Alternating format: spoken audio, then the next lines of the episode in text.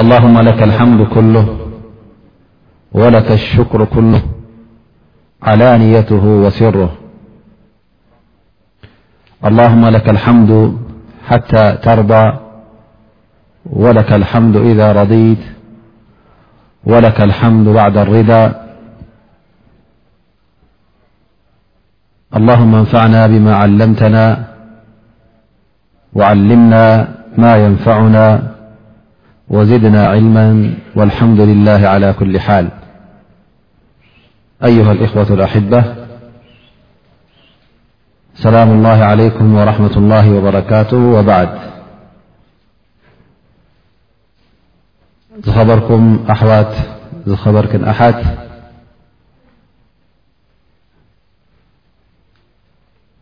እዚ ሰሙናዊ ደርስና እናቐፀለ ይኸይድ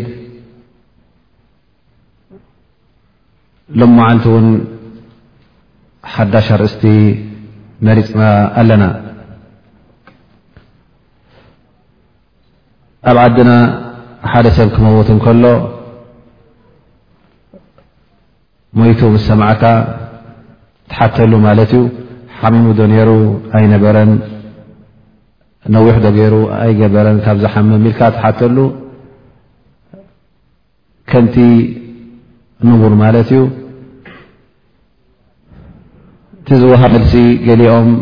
እወ ሓሚሙ ነይሩ ኣብ ሕማሙ ከሎውን ኣልሓምዱሊላህ ወስኡ ተዋሲኡ ከይዱ ይበሃል ማለት እዚ ሰብ እዚ ወስያ ንክገብር ዕድል ስለ ዝረኸበ ሓደ ፀጋ ወይ ሓደ ሽሻይ ሓደ ናይ ኣላ ስብሓን ወተዓላ ፀጋ ኮይኑ በዚ ዓይነ እዚ ይረአ ማለት እዩ ምኽንያቱ ዝኾነ ይኹን ሰብ እንተ ደኣ ኣላ ስብሓን ወተዓላ ዕድል ሂቦ ናይ ክልተ ሰለስተ መዓልቲ ሕማም ናይ ሰሙን ሕማም ሞት ከምትመፅ ዘላ እተ ተፈሊጥዎ በቲ ሓደ ወገን እስትቕፋር እገብር፣ ብሓደ ወገን ድማ ነቲ ኣብ ርእሲኡ ዘሎ ሕድሪ ኣማና ይኹን ካብ ሰብ ዝሕተቶ ኣማና እሱ ውን ዝሓቶ ሕድሪ እንተደኣ ኣሎ ኮይኑ ተዋስዩ ነቲ ኩሉ ንብረት ናቱን ዘይናቱን ፈላልዩ ስለ ዝነግር ገንዘብ ሰብ ከየጥፈኤ ፅባሕ ንግሆ ዝሕተተላ ነገር ወላ ሓንቲ ዘየላ ከላ እንታይ ኸውን ማለት እዩ ሰብ እዙ ናብ ረቢኡ ከይድ ይመውት እዚ ሕጂ ሓደ ካብቲ ናይ ሰዓዳ ካብቲ ናይ ኣላ ስብሓን ወተዓላ ኻቲማ ፅቡቕ ደልሉ ማለት እዩ ናይ ሎምዓልቲ ደርስና ድማ ብዛዕባ ወስያ ብዛዕባ ለበዋ ክትከውን ማለት እያ ሓደ ሰብ ኣብዛ ኣዱንያ ከሎስ ለበዋ ክገድፍ ከመይ እዩ እዚ ለበዋ እዚ ግዴታ ድዩ ወይ እንታይ ዓይነት ውሳኔ ኣለዎ ብሸርዒ እስልምና ግዴታ ድዩ ወይስ ሱና ሙስተሓብ ኣይ ናይ እንታይ ዓይነት ውሳኔ እዩ ዘለዎ ኣብ እስልምና ከመይ ገይሩኸ እዚ ወስያ ዝገብሮ ማለት ክንደየናይ ገንዘብ እንተለዎ እዩ ክንደየናይ ገንዘብ ከ ይፍቀዶ ወስያ ንክገብር እቲ ወስያ ማለት ከ እንታይ ማለት እዩ ብዛዕባ እዚ እንሻ ላ ክን ደርስና ናይ ሎም መዓልቲ ብዛዕባ እዚ ክትከውን እያ ወስያ ክበሃል ከሎ ወይ ለበዋ ክበሃል እንከሎ ዝኾነ ይኹን ሰብ ንካልእ ሰብ ሓደ ነገር ከምዝን ከምዝን ግበረለይ ወላ እውን ኣብ ሂወትካ ከለኻ ውን እትላቦ ማለት እዩ ንዓስኻ ኹላን ከምዝን ከምዝን ኣነ ክገይሸሞ ዝንዝን ግበር ወይ ከዓ ኣነ ስራሕ ስለ ዘለኒ ኣብ ክንዳይ እዚ ነገር እዚ ኣብ ከም ዝብፅሓለይ እዚ ገንዘብ እዚ እዳ ኣብዚ ከምዝኣመሰለ ቦታ ክፈለለይ ኢልካ እዚ ከምዝገንዘብ ውን ኣብ ክዝተብፅሓልካ ውን ኣብ ህየትካ ከለኻ ውን ለቦዋ ትህብ ኢኻ ከምኡ ውን ብድሕሪ ሞት ዝወሃብ ኣሎ ማለት ምስ ሞትኩ ኣነ ከምዝን ከምዝን ዕዳ ኣለኒ ከምዝን ከምዝን ልቓሕ ኣለኒ ከምዝን ከምዝን ገንዘብ ኣብ ከምዚ ከምዝኣመሰለ ቦታ ኣለኒ ኢልካ ውን ትፈልየሉ እዚ ድማ ብድሕሪ ሞተይ እንተ ደኣ ካብቲ ገንዘበይ ኮይኑ ክወፅእ ወይ ውን እቶም ወረስቲ ገንዘቦም ክእክቡ እተ ደልዮም ኣበይ ኣበይ ከምዘሎ እቲ ገንዘቦም ንክፈልጡ ኢልካ እዚ ነገር እዚ ክተመሓላልፍ ከለካ እዚ ወስያ ወይ ከዓ ለበዋ ይበሃል ስለዚ ዝኾነ ይኹን ለበዋ ኣብ ህየትካ ክትገብሮ ትኽእል ኢኻ ኣብ ህየትካ ኣብ ግብሪ ንክውዕለልካ ወይ እውን ብድሕሪ ሞትካ ንክኸውን ኢልካ ትገብሮ ኩሉ ለበዋ ወይ ወስያ ዝብል ሽም እዩ ዘለዎ እዚ ድማ ብማል ወይከዓ ብገንዘብ ክትዋሰ ትኽእል ኢኻ ናይ ገንዘብ ይኹን ወይ እውን ብካል ዓይነታት ወስያ ክትገብር ትኽእል ኢኻ ካል ዓይነት ለበዋ ንኣብነት ንደቀይ ፍላን ፍላን እሶም ብድሕረይ እተ ሞይተ እሶም ይሕተትሎም እሶም ይጠይቁሎም እሶም ናይ ናብሮኦም ጉዳይ ንሶም ይርኣይሎም ኢልካ ምናልባሽ ገንዘብ ዘይኮነ እንታይ እታይ ሕድሪ ተመሓላልፍ ኣለካ ማለት እዩዙ ከመይ ገይሮም ከምዝናብዩልካ ሕድሪ ተመሓላልፍ ኣለኻ ስለዚ እቲ ናይ ዱንያ ረሑ ይኹን ናይ ኣራ ወላ ውን ናይ ኣራ ስራሕ ን ክኸውን ከሎ ንኣብነት ሓደ ዓይነት ወስያ ፍላን ወዲ ፍላን ንኡ ትውስዮ እንካ ዝገንዘብ እዙ መስጊድ ስርሓለይ ኣነ ምስ ሞት ኩልካ እዚ ሓደ ውን እንታይ ደሊኻ ማለት እዩ ናይ ኣራ ስራሕ ማለት እዩ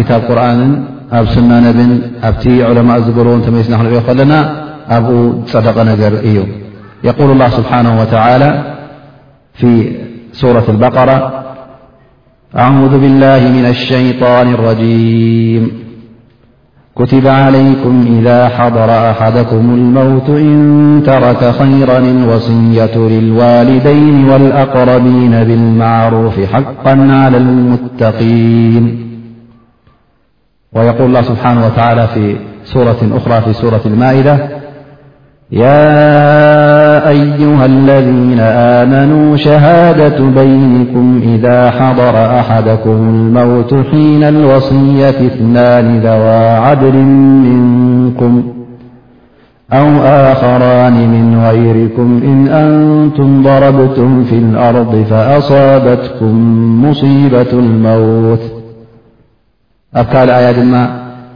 ብዛዕባ ናይ ሚራስ ምስ ተዛረበ ኣላ ስብሓን ወተዓላ እቲ ሚራስ ከመይ ገይሩ ናብቶም ወረስቲ ክውዛዕ ከም ዘለዎ ኣላ ስብሓን ወተላ ምስ ጠቐሰ የቁል ምን ባዕድ ወስየትን ዩሲ ብሃ ኣውደይን ኣብዘን ሰለስተ ኣያ ክንርኢ እንተ ኮይና ኣብታ ቀዳመይቲ ኣያ ኣላ ስብሓን ወተላ ወስያ ክንገድፍ ትእዛዝ ኩቲባ ዓለይኩም ማለት ተኣዚዝኩም ኹም ኣላ ስብሓን ወተላ ፅሒፍልኩም እዩ ኣዚዝኩም እዩ እዚ ነገር እዚ ከም ፈርዲ ኮይኑ ማለት እዩ ኢዛ ሓበረ ኣሓደኩም መውት እንተ ሞት መፅዎ ሓደ ሰብ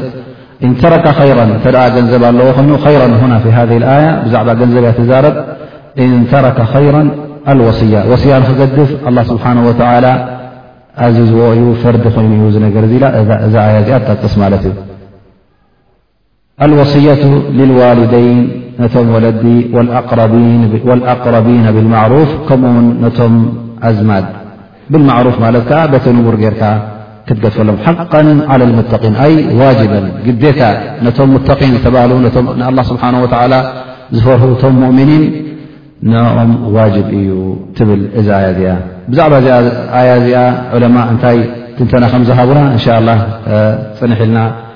ክንጠቕሳ ኢና ማለት እዩ ኣብቲ ናይ ሕኩም ወይ ከዓ እቲ ውሳኔ ናይ ወስያ እንታይ ምዃኑ ዋጅብ ድዩ ሱና ድዩ ሙስተሓብ ድዩ ኣብኡ ክንኣቱ ከለና ነዚ ኣያ እዚኣ ከመይ ገሮም ከም ዝፈሰሩዋ ከመይ ገሮም ከም ዝተንተንዋ እንሻ ላ ክንኣትእና ግን ኣላ ስብሓን ወተላ ብዛዕባ ወስያ ኣብ ክታብ ቁርን ከም ተዛረበ እዚኣ ቀዳመይቲ ኣያ እታ ካልኣይቲ ኣያ እውን እንታይ ተርእያ ማለት እዩ ወስያ እተ ትገድፉ ኣለኹም ኣብ መገሻ እተ ኣለኹም ፅሕፈት ወይ ከዓ ዝፅሕፈልኩም ሰብ ዘይትረኽቡሉ ቦታ እተ ኣሎ ኮይኑውን ጥራይ መሰካክር ጌርኩም ኣብ መገሻ ውን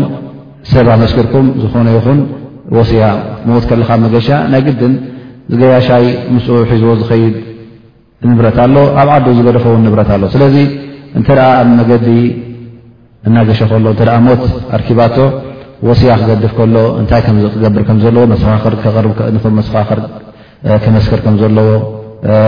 ክንደይ መሰኻኽር ክኾኑ ከም ዘለዎም እዛ ኣያ እትናን ዘዋ ዓድሊን ክልተ ካብቶም እሙናት ዝተባህሉ ከተመስክሩ ትብል ኣያ ጠቒሳ ማለት እዚ እንታይ ሕጀ ርእየና ዘሎ ወስያ ክትገብር ከም ትኽእል ኣብ ሸርዒ እስልምና እውን ወስያ ዝበሃል ነገር ከም ዘሎ ወይ ለበዋ ዝበሃል ከም ዘሎ ትጠቅስ እያ ከምኡውን እታ ሳልሰይቲ ኣያ ምን ባዕዲ ወስየትን ይውሲ ብሃ ዝበለ ኣላ ስብሓን ወላ ብዛዕባ ናይ ሚራስ ክዛረብ እንከሎ እቲ ወስያ እውን ቅድሚ እቲ ናይ ሚራስ እንተ ካብቲ ኣላ ስብሓን ወላ ነቢና ሓመድ ለ ላ ለ ሰለም ዝወሰንዎ ዓቐን ካብኡ ዝያዳ ደይወፀ እተ ኮይኑ ቅድሚ እቲ ሚራስ እቲ ወስያ ንበይኑ ክወፅእ ከም ዘለዎ ከምኡውን እቲ ልቓሕ እውን ንበይኑ ክወፅእ ከም ዘለዎ ብድሕሪኡ እቶም ወረስቲ ክማረሱ ከም ዝኽእሉ ትጠቅስ እያ ማለት ወስያ እውን ቅድሚ እቲ ናይ ሚራስ ገንዘብ እሱ ክወፅእ ከም ዘለዎ እዛ ኣያ ትጠቅስ እያ ስለዚ أبت قرآن الكريم الله سبحانه وتعالى بزعب وسيا تقلن كمون بتن نبينا محمد صلى الله عليه وسلمسنبنخنا البخاري زم حلالف حاديث يقول عن بن عمر رضي الله عنه يقول انبي صلى الله عليه وسلم ما حق امرئ مسلم له شيء يؤسي فيه يبيت ليلتين إلا ووصيته مكتوبة عنده ማለት ዝኾነ ይኹን ኣስላማይ እንተ ናይ ብሓቂ ተገዳስን ተጠንቃቕን እተ ኮይኑ ክጥንቀቕን ክግደስን እተ ደሊ ኮይኑ ውን ካብ ክልተ መዓልቲ ክሕልፍ የብሉን እንተ ወስያ ዝህበሉ ማለት እዩ ለሁ ሸይኡን ዩስፊ እዛ ሓዲት እዚኣ ሕጂ እንተ ንወስያ ትገብሮ ገለ ነገር ኣሎ ኮይኑ ናይ ግድን ማለት ልቓሕ እንተሎ ተለቃሕካዮ ወይ እውን ንሰብ ዘለቃሕካዮ እተ ኣሎ ኮይኑስ ናይ ግድን እዚ ወስያ እዚ ወይ ከዓ ብዛዕባ እዚ ንብረት እዚ ፅውሑፍ ወላ ክልተለይቲ ከተሕልፍ የብልካን እታ ወስያ ናህካ ፅሒፍካያ ክትፀንሕ ኣለካ ስለዚ እዚ እንታይ ዘርእየካ ስላማይ ኩሉ ግዜ ጥንቁቕ ክኸውን ኣለዎ ገንዘብ ሰብ ከይበልዕ እቶም ደቁ ብድሕሪኡ ዝገድፎም ገንዘብ ሓራም ከይወርሱ ዘይናቶም ገንዘብ ከይበልዑ እስኻ ምናልባሽ ካብ ሰብ ተለቃሕካዮ ገንዘብ ኣሎ ሰብ ኣማና ዝሃበካ ኣሎ ምሳኻ ኩላና ዝኾነ ይኹን ሰብ ናብ ሰቡ ዝብ ናብ ገሩ ከም ዝበሃል ዝኾነ ይኹን ሰብ ይልቃሕ የለቅሕ ሕድሪ ይቕበል ንሰብ ሕድሪ ይህብ ብዛዕባ ናይ ማላዊ ርክባት ኩላህና ምስ ዝኾነ ይኹን ወላ ውን ምስ ኣስላማይ ይኹን ምስ ዘየስላማይ ምስ ሰብኣይ ምስ ጓንስተይቲ ምስ ዝኾነ ይኹን ናይ ማላዊ ርክብ ኣለካ ማለት እዩ ስለዚ እዚ መሰላት እዚ ንኸይጠፍእ እስኻ መሰል ናይ ካልኦት ንኸይትበልዕ ደቅኻ መሰል ናይ ካልኦት ንኸይግህሱ ከምኡ እውን መሰልካ ንኸይገሃስ ምናልባሽ ንስኻ ዘይፅሓፍካዮ እተ ኣሎ ኮይኑ ኣነ ምስ ሰብ ዝሕድርለኒ እተ ዘይትብል ኮይንካ ንዓኻ ጎዲእካ ነቶም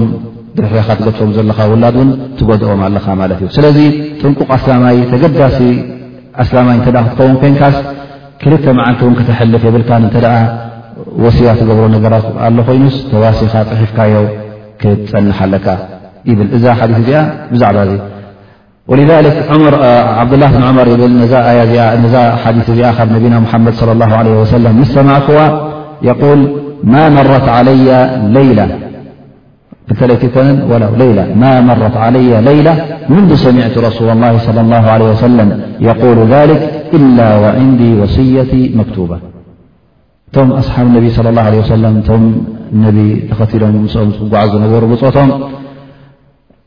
ነቢና ሙሓመድ ስለ ላ ለ ወሰለም እተ ሓንቲ ቃል ኣብ መሓላሊፎም ኩሎም ተቐዳዲሞም ነዛ ቃል እዚኣ ኣብ ግብሪ እዮም ዘውዕልዋ ነይሮም ሓደ ካብኦም ካብቶም ውርያት ዝኾኑ ብጣዕሚ ብናይ ነቢና ሙሓመድ ለ ላ ለ ወሰለም ሱና ቀጢሉ ተቐይሩ ዝኸይ ዝነበረ ዓብዱላ ብኒ ዑመር ዝተባህለ ረድ ላ ዓንሁማ ማለት ወዲ ሰይድና ዑመር እብኒ ልከጣብ እዩ እሱ ዓብዱላ ይበሃል ካብቶም በቲ ሱና ነቢ ሙሓመድ ለ ለ ሰለም ቀጢሎም ዝኸ ዝነበሩ እዮም ስለዚ ዝኾነት ነገር ካብ ነቢና ሙሓመድ ለ ላ ለ ሰለም ክሰምዓ እንከሎ ተጓይ ቀልጢፉ ኣብ ግብሪ የውዕላ ነይሩ ስለዚ ነዛ ሓዲስ እዚኣ ይብል ምስ ሰማዕክዎምን ሓንቲ ለይቲ እውን ኣይሓለፈትን ማለት እዩ ኢላ ወወስየቲ መክቱበትን ዕንዲ እታ ወስያይሲ ሓንቲ ለይቲ እውን ኣይሐልፍ እተ ኣሎ ኮይኑ ማለት እዩ ፅቃ ንኣብነት ለማዓት ፅሒፍካያ ንዘላ ወስያ እተ ሓድሽ ነገር ዘይተረክበ ፅባሕ ድሕር ፅባሕ ኣይድልን እዩ ግን ሓድሽ ነገር ክርከብ እንከሎ ናይ ግዲ ናፍታ ወስያ ክት ከተማልኣን ክትሰኹዓን ናይ ግድን ይኸውን ስለዚ እዚ ናይ ነቢና ሙሓመድ ለ ላ ለ ወሰለም ሓበሬታ እዚ ናይ ነቢና ሙሓመድ ለ ላ ለ ሰለም ትእዛዝ ክንቅበሎ ብጣዕሚ ኣገዳሲ ይኸውን እዚ ድማ እንታይ ደረገ ኣሎ እቲ ወስያ ኣገዳሲ ምዃኑ እቲ ነዚ ዝገብር ድማ ጥንቁቕ ኣስላማይን ተገዳሲ እስላማይን ይኸውን ማለት እዩ በዚ ሓዲ እዚ ከምኡ ውን ኣብቲ ሸርዕና ውን ንቡር ከም ምዃኑ ተገይሩ ከም ዝኾነ ውን ኣብ ግዜ ነቢና ሙሓመድ صለ ላሁ ለ ወሰለም ሳዕድ ብን ኣብ ወቃስ ረድ ላሁ ዓንሁ ካብ መዲና ንመካ ምስ መፀ ኣብ መካ ይሓምም ማለት እዩ ምስ ሓመመ ምናልባሽ እዛ ዕምሪ ኩሉ ሰብ ክሓምም ከሎ ጠብ ኩሉ ግዜ ታ ሞት እያ ትረኣዮ ሞት መፅያ እዩ ዝብል ማለት እዩ ግን ብጥዕንኡ ከሎ ሞት ትመፅእ ኣይመስሎን እዩ እታ ሞት ኩሉ ግዜ ብሕማም ኣይኮነትን ትመፅእ ግን ኩላክና ንሪኦ ኣለና ግን ነዚ ነገር እዚ ኣብ ልቡ ዝስምዖ ውሕድ እዩ ማለት እዩ እምበር ሞት ብማኪና ተሃሪምካ ትመውት እናክትካ ከለካ መንገዲ እውን በዚ ሎሚ ሕማም በዚሑ ዘሎ ልብኻ ደው ኢላ ጀልጣ መፅእዎ ብሉካ እንታይ ኮይኑ ዶ እንታይ ኮይኑ ዶ ኢሎም ብጥዕንኡ ከሎ ሎ መዓልቲ ትሪኦ ድሕሪ ሰዓት ንፅባሒቱ መይቱ ይብሉካ ማለት እዩ እዚ ነገር እዚ ኣሎ ስለ ዝኾነ ድማ ጥራይ ዝሓመም ኣይኮነን ናብ ሞት ዝቀራረብ ምናልባሽ ኣነ ምስ ሓመምኩ ክፅሕፋ ምስ ሓመምኩ የርክበሉ እየ ንኸይትብል ማለት እዩ ናፍታ ዝነበርናይ ሓዲስ ንመለስ ሳዕድ ብ ኣብ ወቃስ ረ ላ ኣብ መካ ካብ መዲና ንመካ ምስ መፀ ኣብኡ ይሓምም ማለት እዩ ሓሚሙ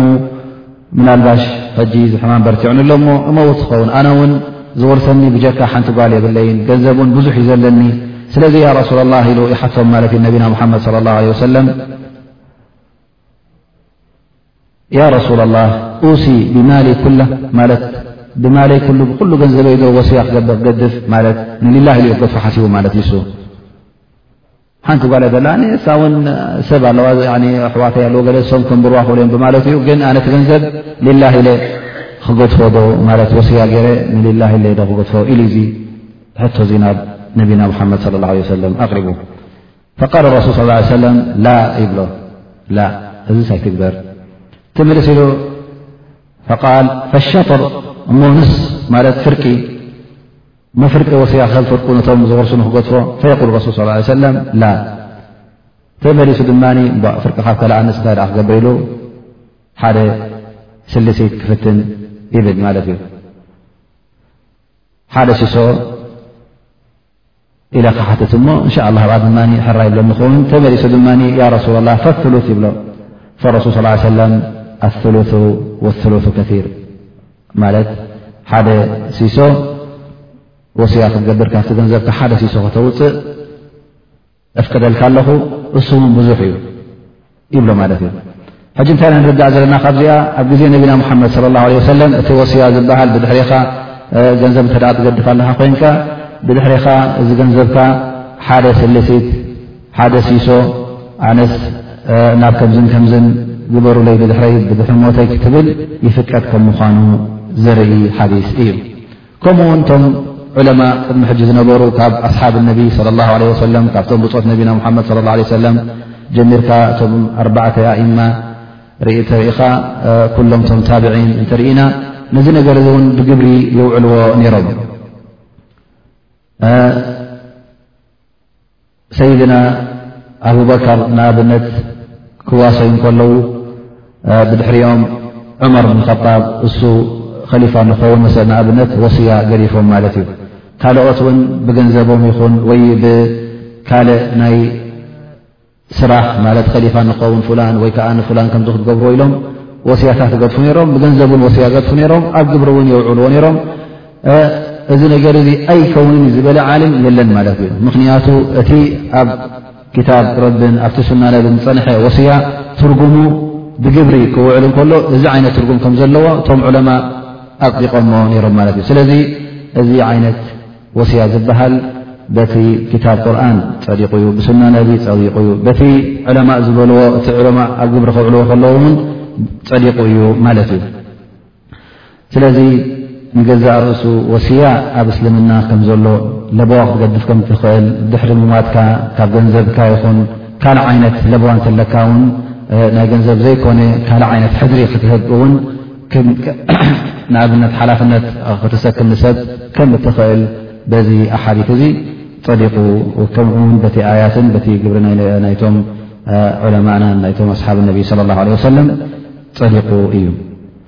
ግን ሕክመ ወስያ ወሳኒ ናይ ወስያ እንታይ እዩ ሕጂ እዚ ኣያታት እዚ ኣሓዲ እዚ ናይቶም ዑለማ ቃላት ሰሚዕና ኣለና ግን እዚ ነገር እዚ እሞ እንታይ ኢኻ ትብለና ዘለኻ ዋጅብ ዲኻ ትብለና ዘለኻ ናይ ግድን ኩላትናስ ወስያ ናይ ግድን ፅሒፍናያ ክንሓድር ኣለና ዲኻ ትብል ዘለኻ ወይ ዝተፈላለየ ውሳነ ኣለዎ እዚ እውን ሓደ ሕቶ እዩ ማለት እዩ ዑለማ ብዛዕባ እዚ እውን ብዙሕ ተዛሪቦም እዮም ማለት እዩ ግን ንሕና ኣብቲ ኣሕፅር ኣሕፅር ኣቢልና እቲ ናቱ ውፅኢት ክንህበኩም ኢና ሕክም ልወስያ ንገዛእ ርስቲ ወስያ ይብሉ የኽተልፍ ፈላለዩ ካብ ሓደ ናብ ሓደ ምናልባሽ ንዓይ ዋጅብ ክኸውን ይኽእል ንካልእ ሰብ ድማ ሙስታሓብ ንካልእ ሰብ ድማ ሓራም ውን ክኸውን ይኽእል እዩ መክሮህ ውን ክኸውን ይኽእል እዩ ምኽንያቱ እዚ ነገር እዚ ምስቲ ወስያ ትገብሮ ተኣሳሰረ ይኸውን ማለት እዩ ኣልውጁብ ናይ ግድን ግዴታ ክንብሎ ንኽእል ወይ ከዓ ዋጅብ ዩ ዝበሃል እንተ ደኣ ኮይኑ እንታይ እዋን እዩ የቁል ዑለማ ኢዛ ካነ ዓለይከ ደይን ማለት ሓደ ሰብ እንተ ደኣ ደይን ኣለዎ ማለት ልቓሕ ኣለዎ ኮይኑ ወይ ከዓ ሕድሪ ኣሎ ኮይኑ ወይ እውን ሕቁቅ ማልያ ወይ ከዓ ካልእ ናይ ገንዘብ ሕቶታት ወይ ከዓ ናይ ገንዘብ መሰላት ካብ ሰብ ይኹን ካብ ረቢ እውን ዝሕተተ ኣሎ ማለት እዩ እዚ ሰብ እዚ ወይ እውን እሱ ኣለቂሑ ክኸውን ከሎ ወይ ከዓ እሱ ሕድሪ ገዲፉ ክኸውን ከሎ እዚ ሰብ እዚ ወስያ ንኸትብ እንታይ እንታይ ኣማና ከም ተቐበለ እንታይ እንታይ ልቓሕ ኣብ ዝባኑ ከም ዘሎ እንታይ እንታይ ንኻልኦት ውን ከም ዘለቀሐ እንታይ እንታይ ውን ሕድሪ ከም ዝሃበ እዚ ይፅሕፍ ከምኡ ውን ኣላ ስብሓን ወተዓላ ዝእወለካ ነገራት ኣሎ ንኣብነት ሓደ ሰብ እንተ ደኣ ምሒሉ ንበሎ እዚ ማሕላ ድማ ብጌጋ ምሒልዎ ናይ የሚን ናይ ሕልፈል የሚን ከፋር ኣለዎ ንበል እዚ ሰብ እዚ ኣነ ውን ከፋር ኣለኒ ጣዓም ንዓሰርተ መሳኪን ዘየላዕክዎ ኣሎ ወይ ውን እንተ ደኣ ዘካት ዘይከፈለ ኮይኑ ናይ ዓመት ናይ ክልተ ዓመት ዝሓለፈ ኣለዎ እሞ ከዓ እዚ እውን ኣነ ክንዲዚ ክንዲዚ ዘካት ናይ ለብዘበን ወይ ከዓ ናይ ዓምለን ክሳዕ ሕጂ ኣየውፃእክዎን ኢሉ ይፅሕፎ ማለት እዩ እዚ ሕጂ ካብ ሰብ ኣይኮነን ዝሓተካ ዘሎ ሰብ ኣይኮነን ጠብ እዚ ሓቂ ላ ኣላ ስብሓን ወተዓላ ዝሓተካ ማለት እዩ ወይ እውን ሓደ ሰብ ንኣብነት ኣብ ረመዳን ንበሎ እንተ ደኣ ምስ ስድርኡ ስጋዊ ርክብ ፈፂሙ እዚ ኩላና ከም እንፈልጦ ነታ ስያሙ ዘብጥልን ከምኡ ውን ከፋራ ከም ዘድልዮ ንፈልጥ ኢና ስለዚ እዚ ሰብ እዚ እንተ እቲ ከፋራ ናይ ዕትቂ ረቐባ ይእወድ እዩ ማለት እዩ ዕትቂ ረቐባ እተዘየለ ድማ ኣለዎ ናይ ሱሳ መዓልቲ ስያም ፆም እተ ዘይከኣለ ድማ ምናልባሽ ብሕማም ብካልእ ጉዳይ እጥዓም መሳኪን ስለ ዘሎ ኣነ እውን እጥዓም መሳኪን ይእወድ እየ እተ እዚ ነገር ዝእወት ኮይኑ ከምኡውን ብዙሕ ዓይነት ከፋራ ኣሎ ማለት እዩ ስለዚ ብኣላ ስብሓን ወላ ገለ ዕለማ እውን ብ ወላ እውን ንኣብነት ሓደ ሰብ ሓጅ ንክገብር ክእለት ነርዎ ጥዕና ነርዎ ገንዘብ ኣለዎ ኩሉ ኣለዎ እዚ ሰብ እዚ ሕጂ ሓጅ ንክገብር ዋጅብ እዩ እኹል ክእለት ስለ ዘለዎ እንተ ደኣ ኣክር ዕብሪ በፂሑ ክሳዕ ሕጂ እውን ዘይሓጅ ዘ እተ ኣሎ ኮይኑ እቲ ካብቲ ገንዘቡ እውን ንሓጅ ዝኸውን ክወፅእ ክጠቅስ ኣሎ ማለት ኣነ ክእለት ናይ ሓጅ እንከለኒ ብናይ ገንዘብ ይኹን ብናይ ጥዕና ስለ ዝደንጎኹ ካብ ገንዘበይ እውን ብድሕረይ ሰብ ዝሕጅጀለይ ክሕጅጀለይልኩም በዚ ገንዘብ እዚ ሰብ ሓጅጁለይ ኢሉ እውን ንኣኑ ምኽንያት እዚ ብገንዘብ ክትኮ ስለ ትኽእል እተ ሞትካ ካልእ ሰብን ንያበተን ዓንክ ኣብ ክንዳኻ ክሕጅጅ ስለ ዝኽእል ካብቲ ገንዘብካ ከተውፅእ ናይ ግድን ይኸን ምክንያቱ ዘይ ካብ ኣላ ስብሓን ወላ ፅባሕ ንጎ ተ መትካ ክትሕተት ኢኻ ስለምንታይ ዘይ ሓደሽካ ክትበሃል ኢኻ ክእለት ከለካ ስለምንታይ እቲ ኣላ ስብሓን ወላ ዝጠረበካ ከፋራ ዝነበረካ ናይ ጣዓም መሳኪን እተ ኮይኑ ወይ ውን ኣብ ሓጅ እውን እተ ሃዲ ከይሓረድካ ኣሕሊፍካዮ ሃዲ ዋጅብ እንከሎ ወይ ውን ኣብ ሓጅ ዝገብርካዮ ጌጋ ነይሩ ንኣብነት ንበሎ ፀጉሩካ ላጢኻ ወይ ውን ጠዋፍ ወዳዕ ኣይገበርካ ንበሎ ንኣብነት ሓደ ዋጅብ እተ ገዲፍካ ናይ ግዲ ንታ ክትገብር ኣለካ ካብ ዋጅባት ሓጅ እተ ገዲፉ ሓደ ፊልዩ ይሓርድ እዩ ፊልዩ ዘይሓረድካ ርካ እተ ኮይንካ ከምዚ ዝኣመሰለ ካብ ኣላ ስብሓን ወላ ትሕተቶ ነገራት እተ ኣሎ ኮይኑ ውን እዚ እውን ክትፅሕፉ ኣለካ ስለዚ ከምዚ ዝኣመሰለ ሰብ እዚ ዓይነታት ሕቶታት ዝሕተትን እዚ ልቓሓት ዝእወድ እዚ ሰብ እዚ ናይ ግድን እታ ወስያናቱ ክፅሕፋ ይግደድ ይብሉ ስለዚ ፊ ሓቂ ሃዛ ተጅቡ ኣልወስያ ገሊኦም እውን ኣለዉ ንኩሉ ሰብ ዋጅብ እዩ ይሃልኻ ልቓሕ ኣይሃልኻ እውን ናይ ግድን ክፅሕፍካ ክትፀንሕ ኣለካ ይብሉ እዚ ግን ካብቲ ራጅሕ ኣይኮነን ማለት ብሉፅ ቆል ኣይኮነን ላኪን እታ ዝበለፀት ቆል ዘላ እቲ ዋጅብ ዝበሃል እዚ ሰብ እዚ እቲ ዋጅብ ይግብኦ እዩ ትብሎ ሰብ እዚ ዝእወድ እዩ ማለት እዩ ብኣላ ስብሓን ወተላ ይተኣወዶ ወይ ከዓ ብሰብ ይተኣወድ ማለት እዩ ገለ ዑለማ ድማ እንታይ የብሉ ሱና እዩ መንዱብ ማለት ንክትገብሮ ሱና እዩ እዚ ድማ ንመን እዚ ድማ እንተ ልቓሕ ዘይብልካ እንተ ኮንካ ወላ እውን ተሰከምካዮ ሕድሪ ዘይብልካ እተ ኮንካ እዚ ሰብ እዚ ወስያ ንክገድፍ መንዱብ ማለት ሱና እዩ ወላ ሓንቲ ሕተትን እዩ ማለት ምንም ሽግር የብሉን እንተገበሮ ፅቡቕ እተዘይገበሮ እውን ምንም ሽግር የብሉን ምክንያቱ ኣነ ኣይእወድ ኣይእውድ እተ ኮይነ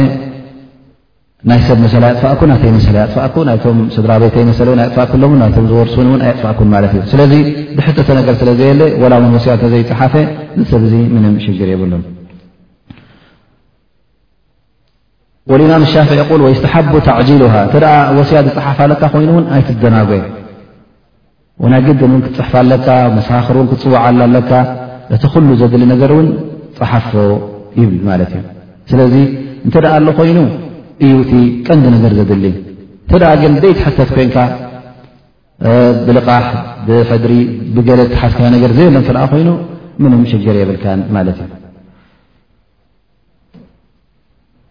ሳልሳይ ድማ እንታይ ይብሉ ፊ ሓቂ ኣለዉ ድማ ካልኦት ጃኢዝ ክኸውን ንዕኦም ማለት ኣለ ሕጂ ከምዝተንተናዮ እንተ ገለ ኣሎ ኮይኑ ዋጅብ ትኾነካ እንተ ዘይትእወድ ዘይብልካ ነገር ተ ኮንኩ እዚኣ ሕጂ ሙስተሓብ ትኸውን እዚ ጣብዓ እቲ ሙስተሓብ ዝበሃል ዘሎ ወላ ውን በዓል ገንዘብ ይኹን ማለት እዩ ሃፍታም ይኹን ድኻ ይኹን እዚ ሙስተሓብ እዩ ሞ ምኽንያቱ በዓል ገንዘብ ናልባሽ ሃፍቲ ስለ ዘለዎ ገንዘብ ስለ ዘለዎ ገለ ካብቲ ገንዘብካ ስለምንታይ ዘይወስኻ ከይበሃል ማለት እዚ እንተወስኡ ፅቡቕ እተዘይወስኡ ምንም ኣሸጋሪ ኣይኮነን ስለዚ ላኪን እቲ ዝሓሸ ሙስታሓብ ንብሎ ዘለና ናልባሽ እዚ በዓል ሃብቲ እተ ኮይኑ በዓል ገንዘብ እተ ኮይኑ ካብቲ ገንዘብ ስ ገለ ንሌላ ኢሉ ንኸውፅእ ማለት እዩ እቲ ዕድል ንኸይሓልፎ ፅባሕ ንግሆ እተ ሞይቱ ወስያ ከይሃበ እቲ ገንዘብ ኣብ መን እዩ ክምቀል ኣብቶም ወረስቲ እዩ ክምቀል እቶም ወረስቲ እውን ንዕኦም እዮም ክወስድዎ እምበር ምናልባሽ ንዓኻ እውን ኣይዝክሩካ ዝኾኑ እዚ ነቦይ ወይከዓ ንሓወይ ኢሎም ሰደቃ እውን ኣየውፅልካን ይኾኑ ወላ ውን ኣብ ክንዳኻ እዚ ኣጅሪ እዚ ነቲ ዝሞተ ቦይ ወይ ከዓ ነቲ ዝሞተ ሓወይ ኢሉ ድሕሬኻ መስጊድ እውን ኣይሰርሑልካ ንኾኑ ስለዚ ንዓኻ ቅሩብ ካብቲ ገንዘብካ ንልላህ ኢልካ ትገድፎ ኣጅሪ ብድሕሬኻ እስኻ ምስ ሞትካ እቲ ኣጅሪ ካበይ ዝመፅእ ወይ ዱዓ ዝገብረልካ ውላድ ክህሉ ኣለዎ ወይ እውን ንስኻ ዝገደፍካያ ነገር ክህሉ ኣለዎ ዕልሚ እተ ኮይኑ ነቶም ዝገደፍካ ነቶም ህዝቢ ነቶም ተምሃሮኻ እተ ዕልሚ ቕሲምካ ሜርካ ኮይንካ እቶም ተምሃርካ ከምህሩ ከለዉ በቲ ዘምሃርካዮም እቲ ኣጅሪ ምስኦም ትተሓባበሮም ማለት እዩ ወይ ውን ገበልካዮ መፅሓፍ ኣሎ ኮይኑ እዚ መፅሓፍ እዚ ክነበቡ ከሎ ክረኣ ከሎ ድማ ኣጅሪ ትረክብ ማለት እዩ ወይ ውን ሰደቃ ጃርያ ክትልወካ ከላ ሰደቃ ጃርያ ማለት ከዓ ንላህ ልካ ዝገበርካዮ መስጊድ ገዲፍካ ክትከውን ከለካ መስጊድ ኣንዲቕካ ወይ ውን ዝኾነ ይኹን ንብረት ድኻ ዝጥቀመሉ ግራት ይኹን ዒላ ይኹን ማይ ዝሰትየሉ ሰብ ወላ ውን ከብቲ ይኹና ወላ ውን ጠለበጊዕ ይኹና እዚአ ንድኻታት ፀበእን ክሰትዩለን ኢልካ እተ ገዲፍካየን እዚ እውን ሰደቃ ጃርያ ማለት እዩ ክሳዕ እሰን ዝውድኣ እቲ ኣጅርኻ ይቕፅል ማለት እዩ ክሳዕ እቲ ዝነጥቕካዮ ዝደርስ እቲ ኣጅርኻ ይቕፅል ማለት እዩ ስለዚ ነታ ነፍስኻ ውን ንኸይትርስዓ ማለት እዩ ሙስተሓብ ኢሎሞ ምኽንያቱ እታ ነፍስኻ ውን ገለ ኣጅሪ ትድልበሉ ምስ ሞትካ እስኻ ትገብሮ ነገር የለን ኣጅሪ ክድልብ ኣይትኽእልኒኻ ግን እዚ ነገራት እዚ ሰደቃ ጃርያ ዝበሃል ቀፃሊ ሰደቃ እተ ገሊፍካ ግን ኣጅሪ ስለ ዘለዎ ሙስተሓብ ይኸውን ማለት እዩ እቲ ሳልሳይ ዓይነት ሕጂ ጃኢዝ ኢሎም እዚ ድማ እተገበሮ እንተዘይገበሮ ኩሉ ሓደ እዩ እዚ ድማ እተ ገንዘብ ዘይፍሉ ብዙሕ ገንዘብ ዘይብሉ ሰብ እተ ኮይኑ እዚ ሰብ እዙ እንታይ ክገድፍ እዩ እተን ገንዘብ ዘለዋ ዝህላወን ውሕዳት እየን ነቶም ወረስቲ እውን ኣይዕገባን ይኾና ንዕኦም ን ኣይዕንግላ ንኾና ስለዚ እዚ ሰብ ዚ ወላ ሓንቲ እንተገበሮ እንተዘይገበሮን ኩሉ ሓዲኡ እዩ ይብሉ ወረሱል ስለ ላه ለ ወሰለም ክሞት ከለዉ ብናይ ገንዘብ ወስያ ኣይገደፉን ስለምንታይ ምኽንያቱ ኣረሱ ስ ላ ሰለም ቲገንዘቦም ኣይውረስን እዩ እቲ ዝገደፍዎ ኩሉ ሰደቃ እዩ ዝኸውን ስለዚ እንታይ ክዋሰዩ ድኦም ትብል ወላ እቲ ዝነበረ ኣስለን ገንዘብ ኣይነበሮምን ኩሉ ዝነበረ ንሊላ ሂብዎ ነይሮም እተን ዝገደፈን እውን ቅሩብ ሰ ፈረስ ነራቶም በቕሊ ነራቶም እሰን ድማ ክዋሰዩለን ኣይክእሉ እዮም ምክንያቱ እቲ ኣንቢያ ዝገደፍዎ ኩሉ ኣይውረስን እዩ ወላ ውላድ ይሃልዎም ወላ ሰበይት ትሃልዎም እንታይ ደኣ ንሊላ እዩ ዝግደፍ ንጅሃድ ይኹን ነቲ ንኩሉ እስላም ንመሳኪን ይኹን ንካልእ ጉዳያት ሰናይ ተግባራት ናብኡ እዩ ዝኸይድ ስለዚ ኣረሱ ስ ሰለም እውን ወስያ ኣይገደፉን ናይ ገንዘብ ይኹን ናይ ካልእ ወስያ ኣይገደፉን ስለዚ እንታይ ኸ ማለት ገንዘብ ዘይ ኮይኑ እተ ዝወሃብ ገንዘብ ትዋሰየሉ ገንዘብ ዘይ ሎ ኮይኑ እዚ እውን እንታይ ኸውን ማለት እዩ ጃኢዝ እተገበርካዮ እተዘይገበርካዮ ኩሉ ሓደ እዩ ወተኩን ወስያ ንገለ ሰባት ውን መክሩ ትኸውን ይብሉ ወስያ ንክገድፉ ማለት ካብቲ ገንዘቦም ገለ ገንዘብ ጭልፍ ኣቢሎም ወስያ እተ ክገድፉ ዘልዮም እዚኦም ድማ ፊ ሓቅም ተኩኑ መክሩሃ እዚኦም ድማ እንታይ እዮም እተ ውሑድ ገንዘብን ብዙሓት ቆልዑን ወረስትን ዝገድፉ እተ ኮይኖም እዚ ሰብ እዚ እተን ዘለዋ ውሑዳት እየን ውላዶም ድማ እቶም ዝገድፎም ዘሎ ወረስቲ ድማ ብዙሓት እዮም እዚ ሰብ እዚ እንተደኣ ካብእን ቁንጥር ኣቢሉ ንወስያ እዚአን ከምዚ ንላ ኢለ ወስየን ኣለኹ ክብል እተደኣ ኮይኑ እዚ ሰብ እዚ ፊሓቂ ክመክሩ ምኽንያቱ ኣረሱል ስ ለ ሰለም ኣፍታ ንሓዲ ናይ ሳዕድ ብን ኣብ ወቃስ ዝጠቐስናያ ኣሉቱ ወሉቱ ከቲር ስበሎ ሓደ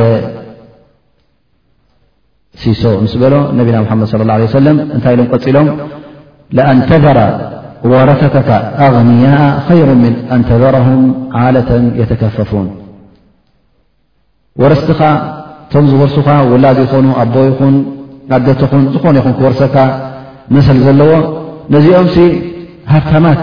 እንተገደፍካዮም ይሓይሽ ኣብ ክንዲ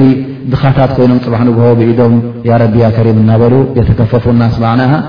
የርፈዑን ኣክፎም ብኢዶም ገይሮም ሃቡኒ ኣጥሙኒ እናበሉ ኣብ ክንዲ ዝልምኑ ሃብታማት ተገደፍካዮም ይሓይሽ እቲ ሊላህ ኢልካ ከተውፅኦ ትሓስብ ዘለኻ እሶም ውን ንዕኦም ትገድፎ ዘለኻ ውን ኣጅር ኣለዎ ንዕኦም እተ ሰቲርካዮም ንዕኦም እተ ፅቡቕ ናብራ ብድሕሪካ ክነብሩ ኮይኖም እቲ ኣጅርኻ ውን ኣሎ ማለት እዩ ስለዚ እንተ ገንዘብካ ውሑድ ወረስትኻ ብዙሓት እተ ኮይኖም ካብዘን ቁንጣሮ ዘለዋ ቁንጥራ ብለ ድማ ኣነ ንሌላ ኢለ ወስያ ሓደ ሲሶ ከውፅእ እተ ትብል ኮንካ የኮኑ ፊ ሓቂካ ሃ ኣምርቲ ወስያ ዝበሃል መክሩብ ይኸውን ኣሎ ውን ገለ ሰባት ሓራም ክንብሎ ንኽእል እዚኦም ድማ እንታይ ዓይነት ሰባት እዮም ኣለዉ ምናልባሽ እዚ ሰብ እዚ ውላድ ይህልዎ ገንዘቡን ይህልዎ ግን እዞም ውላዱ ንኣብነት ብፀልኦም ይኸውን ገለ በዲሎሞ ይኾኑ ወይ ከዓ ካልኦት ወረስቲ ይህልዎ ሓው ይህልዎ ወይ ውን ቶም ወረስቱ ኣቦን ኣደን ይኾኑ ዝኾነ ይኹን ዓላ ኩሉ ሓቶም ክወርስዎ ዝበሃሉ ሕጂ እዚ ሰብ እዚ ንዕኦም ስለ ተቆጣዓሎም እንታይ ይገብር ማለት እዩ ሓታ ላ የስተሪሑ ንሶም ንኸይሕጎሱ ንሶም ገንዘብ ንኸይህፍትሙ ኣነ ካብዚ ገንዘበይ ክንዲ እዚ ኩሉ ወስያ ገይረ ኣለኹ ወስያ ክገብር ዝፍቀደሉ ኣፍተን ከምታ ዝበልና ኣፍተን ሓደ ሲሶ እየን ሕጂ ትንያናት እዚ ሰብ እዚ እንታይ እዩ ነዞም ወረስቲ ንክጎድእ ማለት እዩ ሓታ ላ የስተሪሑ ደስ ንኸይብሎም እሱኒያ በሎ ሊላ ይኮነ ዘውፅኦ ዘሎ ንረቢ ፈት ይኮነ ንሱ ዓመል ር ዘል ይኮነ ማለት እዩ ግን እዚኦም ከምዚ ገይሮም ነሮም እዮም ከምዚ በዲሎም ነሮም እዮም ከምዚ ኢሎም ውን ኢልካ ትፀልኦ ነርካ ማለት እዩ ሓዉካ ይኹን ሓፍትኻ ይኹን ላ ውን ኣቦካ ይኹን ላ ውን ደቅካ ይኹን ዝኾነ ይኹን ወራሲ ማለት እዩ ክወርሰካ ዝፍቀዶን ክወርሰካ ብክታብ ነብን ሱና ነብን መሰል ዘለዎ ሰብ ንዕኦም ንኽትሃስን ንዕኦም ንኽትጎድእን ኢልካ እንተ ወስያ ጌርካ እዚ ወስያ እዚ ሓራም ይኸውን ወላ እውን እቲ ገንዘብ ገንዘብካ እዩ ዝእውደካ ብ ግን ታንያ ናካ ንር ስለ ዘይኮነት ታንያ ናካ ንሰብ ንኽትጎድእ ታንያ ናትካ ድማ ነቶም ኣህል ቤትካ እቶም ራሒምናህካ ንዕኦም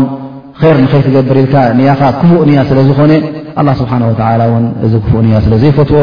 እቲ ትገብሮ ዘለካ ወስያ ኣብ ቅድሚ ኣላ ፅሉእ ይኸውን ኣብ ቅድሚ ኣላ ውን ሓራም ይኸውን ማለት እዩ ኣና ረሱ ሰለም ል ላ ضረራ ወላ ዲራር ዝኾነ ይኹን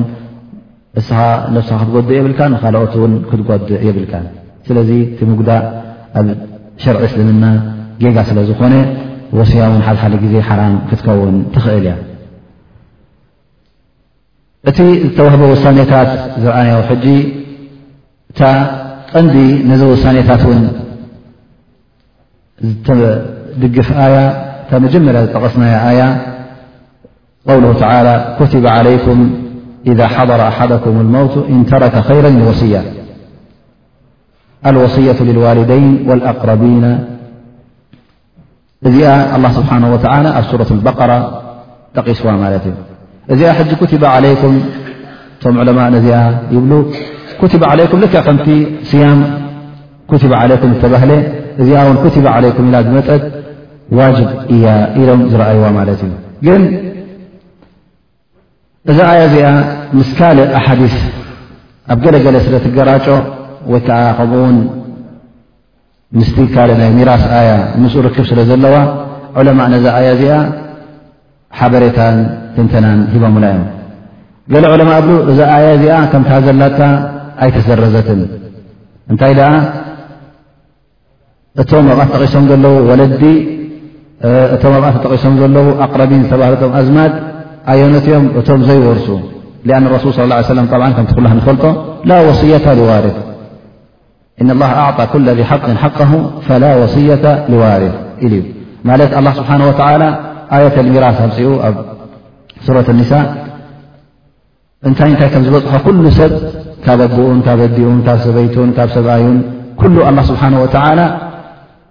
ነናቱ ሂብዎ እዩ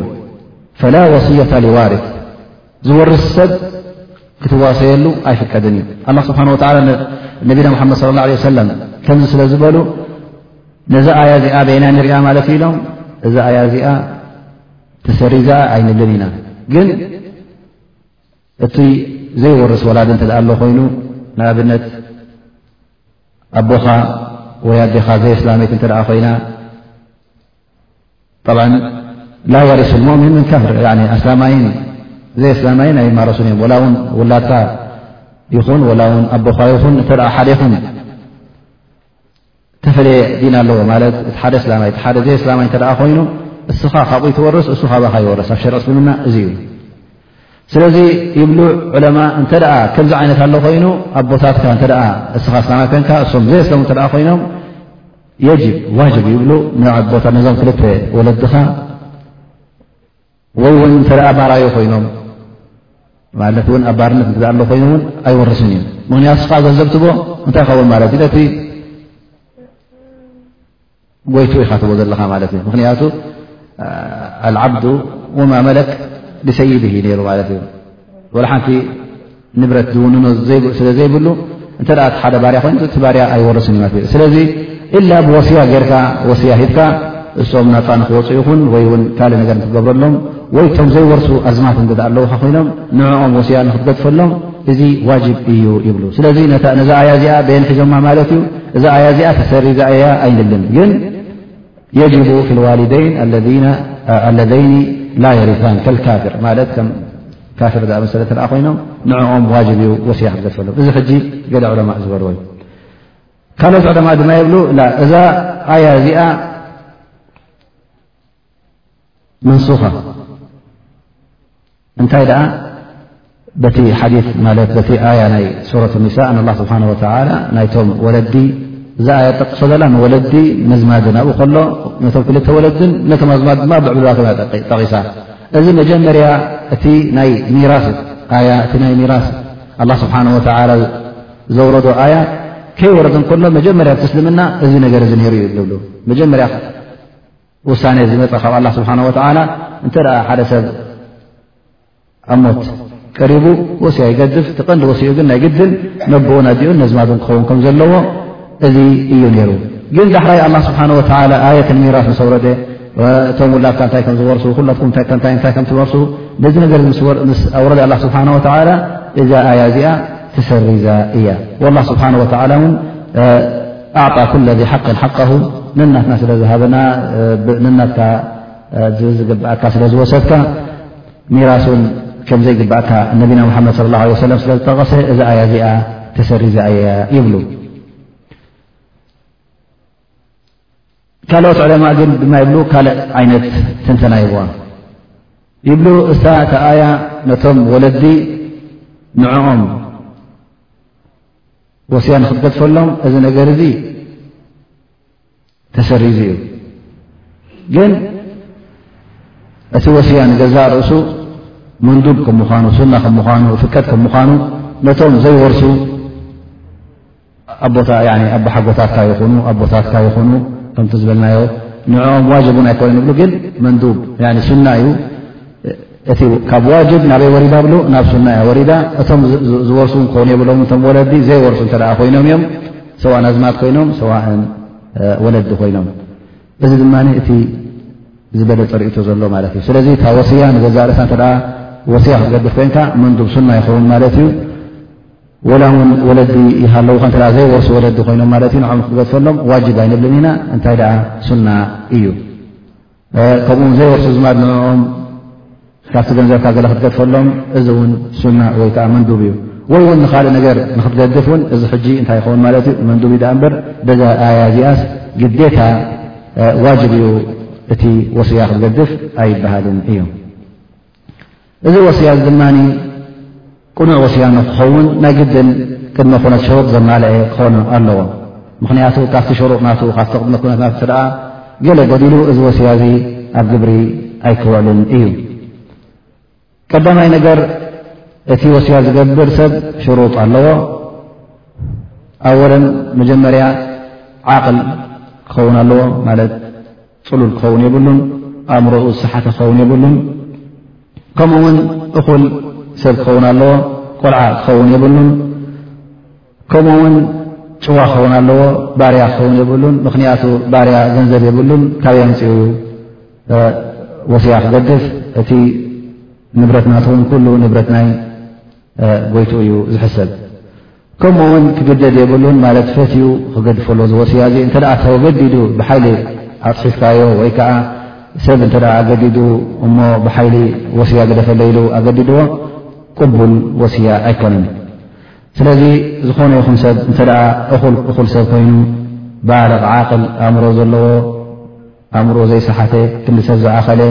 ፈሊጡ ከይተገደደ ወተባዕታ ይኹን ጓንሰይቲ ትኹን ኣስላማይ ይኹን ዘይ ኣስላማይ ይኹን ብዘየገድስ እዚኦም ኩሎም ወሲያ ክገድፉ ይኽእሉ እዮም ወሲኦም እውን ኣብ ግብሪ ክውዕል ኣለዎም ስለዚ ናይ ግድን እተ ሓደ ዘይ ኣስላማይ ወሲያ ገዲፉ ወሲያ ካ ቅንዕቲ ይኮነት ትብሎ ይትኽእልን ኢኻ እንተ ጓንሰይቲ ገዲፋ ወሲያ ወሲያ እውን ቅብልቲ እያ ወተባዕታይ እተ ገይሩ ቅቡል እዩ እዚ እዩ እቲ ቅድሚ ኮነት እቲ ወሲያ ዝገድፍ ሰብ ማለት እዩ ንመን ከ ትኸውን እዛ ወስያ እዚኣ ሃል ንጀሚዕ ከም ድላዩ ድዩ ወስያ ዝህብ መብደእየን እቲ ወስያ ክትገድፎ ከለካ ንዝኾነ ሰብ ጃኢዝ እዩ ንዝኾነ ይኹን ንእስላማይ ወስያ ክትገድፈሉ ትኽእል ንዘይ እስላማይ እውን ወስያ ክትገድፈሉ ትኽእል ንኣብነት እንተ ሓደ ወላ ዘይ እስላማይ እንተ ኮይኑ ግን ፅቡቕ ዝገበረካ ሰብ እተ ኮይኑ ብድሕሪ ሞተይሰ ክንዲዚኤን ሃብዎ ንኡ ኣሓጉስዎልካ ወይ እውን ዘመትካ ይኸውን ዘየስላማይ እተ ኣሎ ኮይኑ ነዚ ሰብ እዚ እውን ወሲያ ካብቲ ገንዘብካ ክትገድፈሉ እተ ፅቡቕ ዝገበረልካ ኮይኑ ፅቡቕ ትትክኦ ኢልካ እተ ገሊፍካሉ ቅቡል እዩ ማለት እዩ ከምኡ ውን ንዓበ ይኹን ንንእሽተይ ወላ ውን ንቆልዓ ክትገፈሉ ትኽእል ኢኻ ቆልዓ እሱ እዩ ወሲያ ካብ ገንዘበይ ከምዝን ከምዝን ሃቦለ ኢሉ ክዋሰ ኣይክእልን እዩ ግን ንስኻ ንዕኡ ንክትገድፈሉ ብናልባሽ እተ ወዲ ሓወኻ ወይ ደወረስ እተ ኮይኑ ንእሽተይ ቆልዓ እተ ኣሎ ኮይኑ ኣይታም እተ ገሪፉ እስኻ ካብቲ ገንዘብካ ወሲያ ንክትገድፈሎም ነዞም ናኣብነት ደቂ እስኻ ውላድ ስለ ዘለካ እቶም ደቅኻ እዮም ዝወርሱኻ ማለት እዩ ደቂ ሓውኻ ኣይወርሱኻን እዮም ግን ደቂ ሓውኻ ንኣብነት ዝሞት ሓውኻ ኮይኑ እም እስኻ ድማ ናባኻ ትቕልቦ ርካ እተ ኮንካ እስኻ እተ ካባኻ ትፅበዩ እተ ነሮም ኮይኖም ነዚኦም ሕጂ ንኣብነት ትገድፈሎም ትኽእል ኢኻ ማለት እዩ ወላ ውን ንኣሽቱ ይኹኑ ብዝያዳ እውን ንኣሽቱ ከለዉ ኢኻ ትገድፈሎም በር ተዓብዮም ውን ምናልባሻብ እሶም ባዕሎም ገንዘብ ክኸስቡን ገንዘብ ከምፅኡን ይኽእሉ እዮም ከምኡ ወላ እውን ኣብ ፅንሲ ዘሎ ቆልዓ ውን እተኣ ክትገድፈሉ ኮንካ ኣነ እዚ ቆልዓ እዚ ኣብ ከብዲ ኣዲኡ ዘሎ ን ከም ተዋስሉ እተ ትብል ኮንካ ውን እዚ እውን ፍቁድ እዩ እተ እዚ ቆልዓ ዚ ድማ ዳሕራይ ብሄተ ተወሊዱ ማለት እዩ እተ ሞት ተወሊዱ ግን ብገንዘብ ናበይምለስ ናብቶም ወረስቲ እዩ ዝምለስ ኣብ ርእሲ እውን ጥራይ ነዚ ኮነን ንካልእ ነገራት እውን ንመሳጊድ ይኹን ንቤት ትምህርቲ ከተነድቕ ንዝኾነ ይኹን ንኸይር ንጀምዕያልካ ንዝኾነ ይኹን ሰናይ ተግባራት እውን ክትውሲ እፍቀደካ እዩ ማለት እዩ ናይ ግድን ንፍሉጥ ሰብ ክትዋሰለካ ይበሃልን እዩ ንሰቢልላ ኢልካ ንዝኾነ ነገር እዩ ሰናይ ተግባር ኢልካ ክትገድፍ እውን መሰል ናትካ እዩ ግን ዝኾነ ይኹን ሰብ ወስያ ዝገብር ማለት ከምቲ ዓንተበይ ዝበልናዮ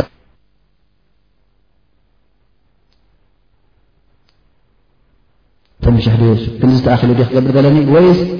ምክንያቱ ዓንተበይ እንታይ ኢልና እንተ ዝሰብ ዚ ማሉ ገንዘቡ ውሑድ ወረስቱ ብዙሓ እተ ኮይኖም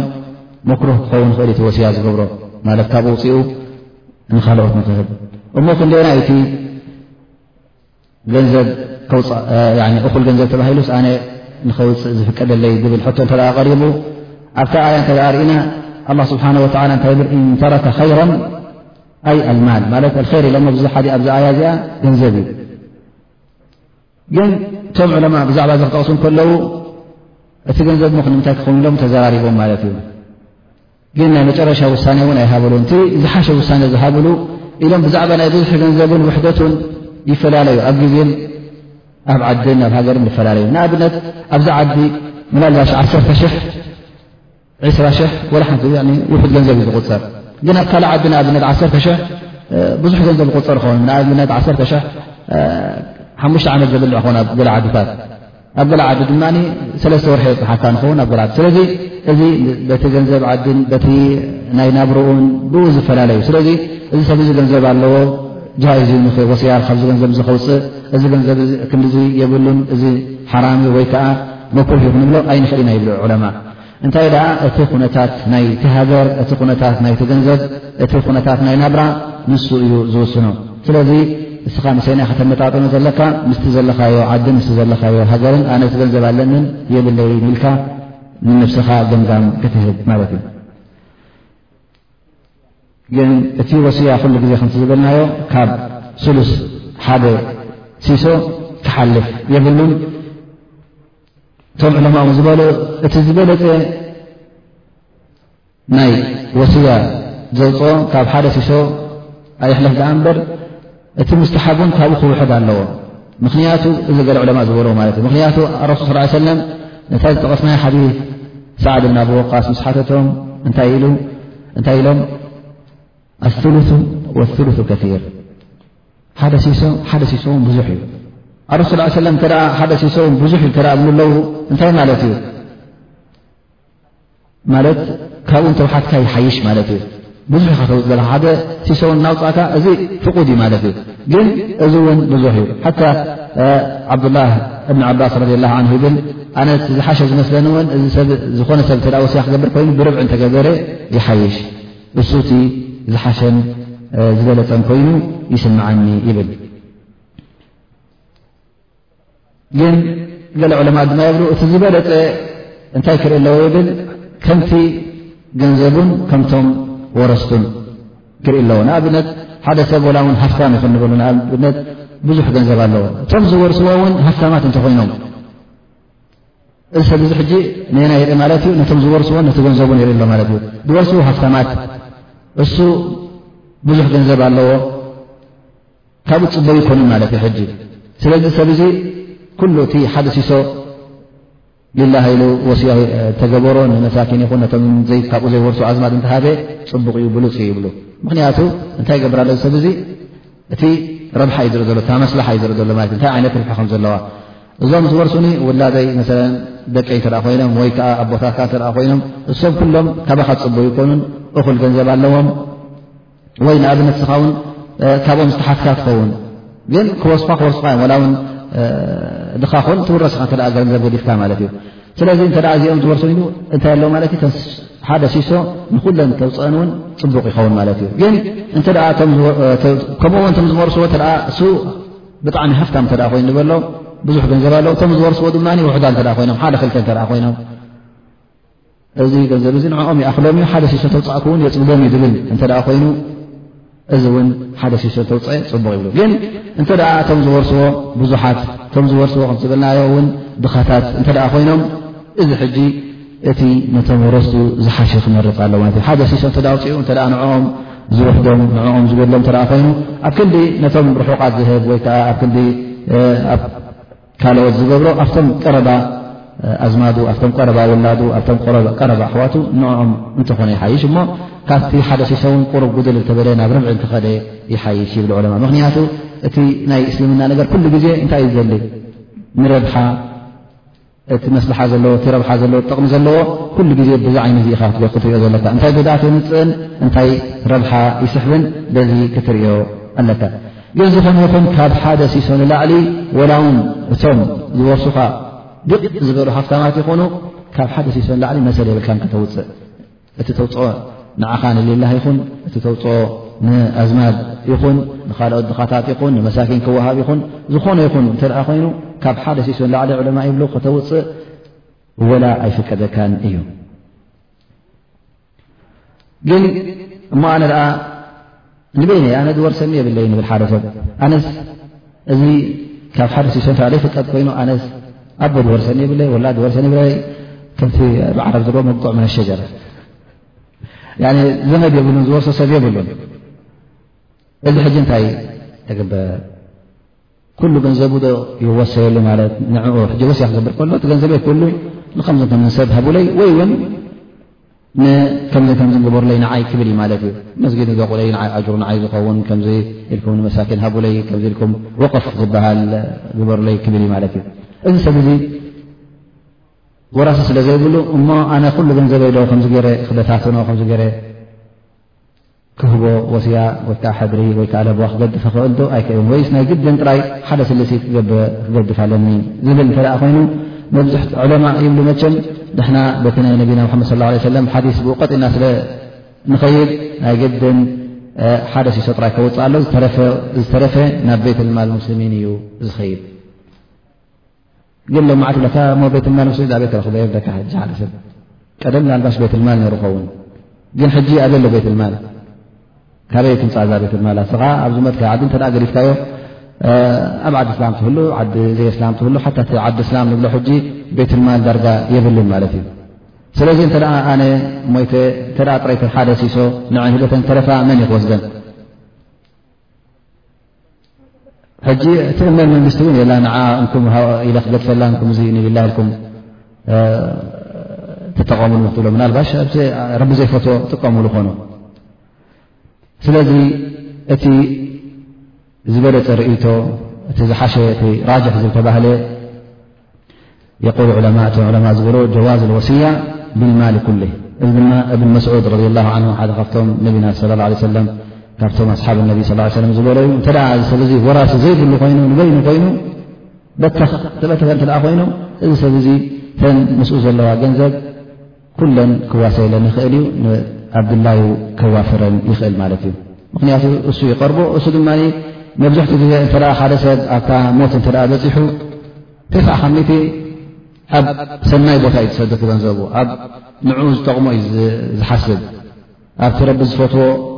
ነጥብታት እዩ ዘጥፍኦ ስለዚ እቲ ዝበለፀ ርእቶ ዘሎ ብዛዕባ ወራሲ ዘይብሉ ሰብ እተደኣ ኮይኑ ብኩሉ ገንዘቡ ከምድላዩ ገይሩ ክዋሲ ከም ዝኽእል ዓብዱላህ ብን መስዑድ ሓደ ካብቶም ኣስሓብ ነቢ ስለ ላ ሰለም ዝበልዎ ቃል ስለ ዝኾነ ካልኦት ዑለማ እውን ነዚ ቃል እዚ ዝተቐበሉ ኣለዉ እቲ ዝበለጠ ድማ ዝኾነ ወስያ ክትገብር ከለኻ ኣብ ክንዲ ነቶም ዘይቀርቡኻ ዘየዝማትካን ኣብ መንጎኻን ኣብ መንጎኦምን ራሒም ወይ ከዓ ወለዶ ዘየሎ ኣብ ክንዲ ንዕኦም ነቶም ኣዝማድን ነቶም ስድራ ቤት ተባህሉ ንዕኦም ተሃብካዮም ንኦም ተገደፍካዮም ዝበለፀ እዩ ምክንያቱ ኣረሱ ስ ሰለም ኣቡ ጠልሓ ዝተባህለ ነይሩ እሱ እውን ኣብ መዲና ቢር ወይ ከዓ ዒላ ነራ እታ ዒላ ድማ ጥዕምቲ ዒላ እያ ነራ ኣረሱ ስ ሰለ እውን ካብኣ ይሰትዩ ነይሮም ሓደ ግዜ ናብ ነቢና ሓመድ صለ ላ ለ ወሰለም መፅኦም ኣነንስ ያ ረሱላ ላ ከም ከምዝኣመሰለት ዒላ ናትኒ እዛ ዒላ ድማ ጥዕምቲ ዒላ እያ እፈትዋ እየ ኩሉ ሰብ ን ክሰትየላ ደሊ እዩ ካብቲ ዝፈትዎ ገንዘበ እያ ይብል ማለት እዩ ስለዚ ኣነስ ኣላ ስብሓን ወተላ ለን ተናሉ ቢራ ሓታ ትንፍቁ ምማ ትሕቡን ስለ ዝበለ ካብቲ ትፈትውዎ ገንዘብ ክሳዕ ሊላ ኢልኩም እተውፅኡስ እቲ ሰናይ ነገር ኣይትረኽብዎን ኢኹም እቲ ቢር ዝተባህለ ከዓ ልዑል ሰናይ ማለት እዩ ጀና ይኹን እቲ ኣላ ስብሓን ወላ ዝፈትዎ ይኹን ኩሉ ንክትረክብ እተደኣ ኮይንካ ሊላ ኢልካ ካብቲ እትፈትዎ ገንዘብ ካብኡ ከተውፅእ ከለኻ ሽዑ ኢኻ ነዚ ነገር ዝትረክብ ስለ ዝበለ ኣላ ስብሓን ወላ ያ ረሱላ ኣነስ እዚኣ ሊላ ኢለ ሰደቓ ክገብራ ሓስብ ኣለኹ ይብሎ ማለት እዩ ፈረሱል ስ ለ ሰለም ይብሎ ኣራ ኣን ተጅዓልሃ ፊ ኣቅረቢን ኣነስ ናፍቶም ኣህሊ ቤትካ ንዕኦም ተሰደቕካ ንኦም ግደፈሎም ነቶም ስድራኻ ረሱ ሰለ እንታይ ዓይነት መምርሒ ሂቦሞ ማለት ነዚ ሰብ ዙ እዚ ገንዘብ እዙ ንዝኾነ ሰባት ግደፎ እቲ ቀዳምነትቶም ኣሕዋትካቶም ስድራ ቤትካ ስለ ዝኾኑ ቀዳምነት ንኦም ተኣያ እውን ተርእናያ እንታይ ኣትብል ብልዋልደይን ወልኣቅረቢን ንመን እያ ጠቅስ ዘላ እቶም ኣቅረቢን ዝተባሃሉ እቶም ኣዝማድ ስለዚ እቲ ወስያ ስለ ትገድፍ ኮንካ ገንዘብ ተ ትገድፍ ኣለካ ኮንካ እቲ ዝበለፀ ነቶም ኣዝማድካን ነቶም ኣሕዋትካን ነቶም ኣህሊ ቤትካን ክኸውን ይበልፅ እረ ዘለ ዕለማ እውን እንታይ ይብሉ ማለት እዩ ሓደ ሰብ እንተ እቶም ኣዝማዱ ገዲፉ እሶም እናድለዮ ከሎ እናርኣዮም ከሎ እንተ ንዘይ ኣዝማዱ እተ ገዲፉስ ወላ ውን ካብኦም ክትሕደግ ትኽእል እያ ምኽንያቱ ነቶም ቀረባ ገዲፉ ናብቶም ርሑቓት ስለ ዝኸደ ገለ ዕለማ እውን እዚ ዝበሉ ኣለዉ ገለ ዕለማ ድማ ይብሉ እንተ ከምዚ ዓይነት ተግባር ገይሩ እቲ ገንዘብ ኣብ መንጎቶም ኣዝማዱን ኣብ መንጎቶም ዘይኣዝማዱን ይምቀል ካብቲ ወስያ ዝሃቦ ሓደ ሲሶ ነቶም ዘይኣዝማድ ይወሃብ እቶም ኣዝማድ ድማ ክልተ ሲሶ ይወስዱ ይብሉ ምክንያቱ እቲ ቀዳምነት ኣላ ስብሓን ወተዓላ እዚ ወስያ እዚ ንመን ክኸውን ከም ዘለዎ ነቶም ኣቅረቢን ስለ ዝበለና እቲ ናይ ነቢና ሙሓመድ ለ ላ ሰለም መምርሒታት እውን ኩሉ ናበይ እዩ ናብቶም ኣቅረቢ ናብቶም ኣዝማድ ክኸውን ከም ዘለዎ ቀዳምነት ከም ዘለዎም ስለ ዝጠቐሰልና ምክንያቱ ቶም ኣዝማድ እዚ ድማ እንተ ቶም ኣዝማድ የድልዮም ኮይኑ እንተ ድኽነት ኣለዎም ኮይኑ እተ እቲ ገንዘብ እቲ ንዕኦም ካብቲ ዘለውዎ ሽግር የውፅኦም ኢልካ እተ ትሓሰብ ኮይንካ እዩ በር እተ ሃፍታማትን ርኩባትን ኮይኖም ወላውነቶም ንካልእ ነገር ወስያ እተገበረ ምንም ሽግር የብሉን ወስያ ክትከትብ ከለካ ድማ ናይ ግዲ ንሻ ንስኻኸ ክትገድፍ ወይስ ጥራይ ምፅሓፍ ይኣክል እዩ ላ ስብሓ ወላ ኣብ ሓንቲ ኣያ ብዛዕባ ናይ መሰኻኽር ጠቒሱልና ማለት ዩ ኣ ስብሓ ወ ኣረሱል ስ ለ ሰለም ን ሓዲስ ዘምፅ ናይ ወስያ ፅሕፍቲ ክትከውን ከም ዘለዋ ስለዚ ዑለማ ኢሎም ናይ ገደን ክትፅሕፋን ከተመስክረላን ኣለካ ይብሉ ጥራይ ንበይና ክትፅሕፍ ይብልካን ጥራይ ውን ምስክር ጥራይ ውን ክትገድፍ ይብልካ እንታይ ክልትኡ ከተማልእ ኣለካ ገለ ዕለማ ድማ የብሉ ላ ናይ ግድን ቲ መሰኻኽር ዩ ትቐንዲ ኣድላይ ካብ ምፅሓፍ መሰኻኽር ክትሕዝ ኣለካ ምኽንያቱ እቲ ናይ ፅሑፍ ናልባሽ ሓደ መፅኡ ከበላሽዎ ክእል እዩ ወይ ውን ክቕይሮ ክእል እዩ ብዙሕ ነገራት ከጓንፎ ስለ ዝኽእል ኣላ ስብሓን ወተላ ውን ኣብታ ዝጠቐስና ኣየሃ ለና ኣመኑ ሸሃደቱ በይኒኩም ኢዛ ሓደረ ኣሓደኩም መውት እንተረካ ኸይራን ኣልወስያ ስለ ዝበለ መሰኻኽር ከነምፅእ ኣብዛ ኣያ እዚኣ ስለ ኣላ ስብሓን ወተላ ስለ ዝኣዘዘና እንታይ ይብሉ ናይ ግድን እዚ መሰኻኽር እዙ ኣድላይ እዩ ግን እንተ ኣ ብግብሪ ክንሪኦ ኮይና ኣላ ስብሓን ወተላ ወላ ውን መሰኻኽር ይብል እንተ ብፅሑፍ እውን እተ ቤትካ ፀሓፍካዮ ኮይንካ እቲ ፀሓፍካዮ ጥ ወይ ከዓ ተፅሓሕፍኻ ፍሉጥ እንተ ኮይኑ እቲ ፅሑፍ እውን እኹል እዩ ወላ እውን ኣይ ተመስክረሉ ግን ፅሑፍ እተ ገዲፍካ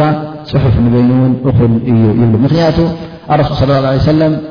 ደብዳቤታት ይሰድድ ነይሩ ፅሑፍ ይሰድድ ነይሩ እቲ ፅሑፍ ና በቲ ፅሑፍ ናት እውን ሰብ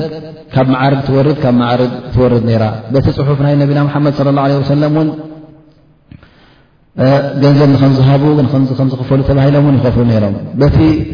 ፅሑፍ ናይ ነቢና ሓመድ ለ ለ ሰለም ን ኣይኮነን ናይ ገንዘብ ኩናት ውን ይካየድ ነይሩ ሰብ ይቕተል ነይሩ ስለዚ ፅሑፍ ውን ቀሊል ኣይኮነን እተ እዚ ሰብ ዚ ዝፅሓፎ ብ ዝፅሓፎ ፍሉጥ እተ ኮይኑ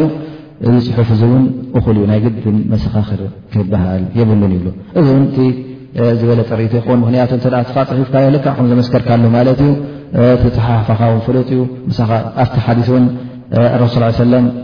ወወስየትሁ መክቱበቱን ዕንደህ ወስያ ናቱ ተፃሒፋ ምስኡ ተፃሒፋ ክትፀንሕ ኣለዋ ዝብል እውን ነዚ ነገር እዚ ወይከዓ ኣብዚ ሓዚ ተተርእሶም እቲ ፅሑፍ እውን እኹል እዩ ይብሉ ስለዚ እተ ሓደ ሰብ ሞይቱ ውን ብዛዕባ ናይ ወስያ ክፍለጥ እተ ኮይኑ ቀዳማይ ነገር እተ ክንርኢ ኮይና እተ እዚ ሰብ እዚ ሞይቱ ናይ ግድንቲ መጀመርያ እንተ ሕቁቕ ወይ ከዓ ከም ዝበልናዮ ልቓሕ እተ ኣሎ ኮይኑ ናይ ኣ ስብሓን ወተላ ኣብ ዝባህኑ ልቓሕ እተ ኣለዎ ኮይኑ ናይ ሰብ ልቓሕ እተ ኣለዎ ኮይኑ እተ ሕድርታት ኣሎ ኮይኑ ቀዳማይ ነገር እዚ ክወፅእ ኣለዎ ብድሕሪኡ እቲ ዝገበሮ ወስያ ይረአ ማለት እዩ እንታይ ወስያ ገይሩ እንታይ ወስያ ገዲፉ ከምዚ ከምዘን ፍራ ንውሃብ ዶኢሉ ኣይበለን ከምዚ ከምዘን ንዓይ ዝበሩ ዶኢሉ ዶ ኣይበለን ነዚ ነገር እዚ ድማ ይረአ ማለት እዩ ብድሕሪኡ እንታይ ይግበር እቲ ገንዘብ ዝተረፈ ድማ ኣብቶም ወረስቲ ይኸይድ ማለት እዩ ስለዚ ቀዳምነት እቲ ናይ ልቓሕ ዘሎ ናይ ካብ ኣላ ስብሓን ወተላ ትሕተቶ ነዚ ነገር እዚ ክዕፆ ኣለዎ ብድሕሪኡ እቲ ናይ ወስያ መፅእ ማለት እዩ ብድሕሪኡ ድማ ናይ ሚራስ ይመፅእ ማለት እዩ ግን ገለ ሰባት ድማ ወስያ ክገት ከለዉ ንኣብነት እብልኻ ኣነ ምስ ሞትኩ ምስ ተቐበርኩ እታ ቀብረይ ፅቡቕ ጌርኩም ለማዕ ቦይ ኣምፅእኩም ጡብ ከምዚ ዓይነት ጡብ ኣምፅእኩም ንደቑለይ እንተበለ ዝሰብ እዙ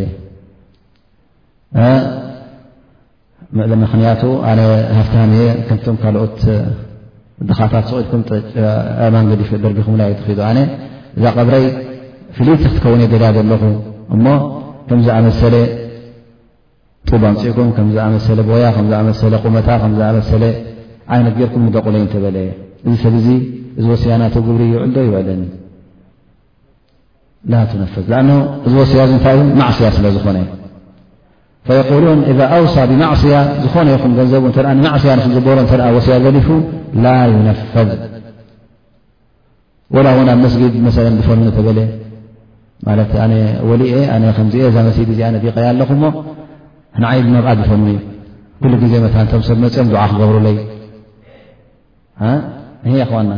የዝ ማ የዝ ኣ ላ ተዝ መቃብር ኣብ መስጊድ ክንገብር ነቢና ሓመድ ስ ለ ስለ ዝኸልከሉና ከምዚ ዓይነት እዚ ወስያ እተ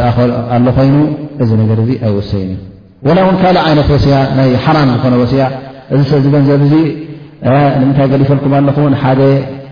ሙጅሪም ተኻሪኻ ንክስቶ ክትቀትልዎ ወይ ከዓ ንክስቶ ክትሃርምዎ እዚ ሰብ እዚ ከምዚ ገይሩኒ ነይሩ ከምዚ ከምዚ እምበኣስ ነይሩና እዩ እሞኒ እዚ ገንዘብ እዚ ንክስቶ ተኻረይሉ መቕተሊ ናይ ፉላን እንተ ኢሉ እዚ እውን ማእስያ ሰብ ክቀትል የብሉን ወላ እውን ወድኻ ይቕተለልካ ባዕልኻ ብኢ ለ ውንኻ ሰብ ኣይትቐትልን ኢኻ እንታይ ደኣ ብሕጂ ኢኻ ክትወስዶ ዘለካ ስለዚ ከም ዝኣመሰለ ወስያ እተ ገዲፉ እውን እዚ ወስያ እዚ ዝኾነ ይኹን ወስያ ንበሎ ኮታ ንሓራም እተ ኮይኑ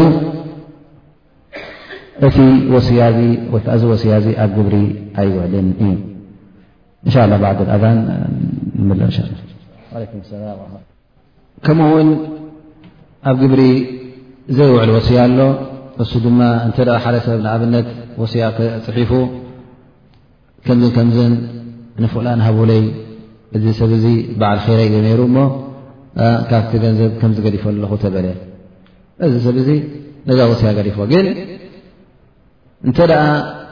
እዚ ሰብ እዚ ነዛ ወስያ ክፅሕፍ ከሎ እቲ ሰብ እቲ ንኣብነት ኣብዛ ዓዲ ነበረ ንበሎ ብ ጌሽ እዩ ሩ ካልእ ሃገር እዩ ነይሩ ከምዚ ከምዚ ገዲፈሉ ኣለኹ እሞ ከምዚ ንዑ ሃብዎ ኢሉ እሱ እዚ ሰብ እዚ እቲ ወስያ ዝገደፈ ብዛዕባ እቲ ካልኣይ ስለ ዘይፈለጥ እቲ ድማ ሞይቱ እንተ ደኣ ነይሩ ኮይኑ ማለት እቲ ወስያ ዝግደፈሉ ዘሎ ሰብ ሞይቱ ነይሩ እንተ ደኣ ኮይኑ እዛ ወስያ እዚኣ እውን ኣብ ግብሪ ትወልን እያ ማለት እዚ ሰብ እዚ ቅድሚታ ወስያ ስለ ዝሞተ ዝሞተ ሰብ ድማ ዝመልኮ ገንዘብ የብሉን ስለዚ ንመይት ወስያ እንተ ገዲፉ እታ ወስያ ኣብ ግብሪ ትውዕልን እያ ምክንያቱ እዚ ሰብ እዚ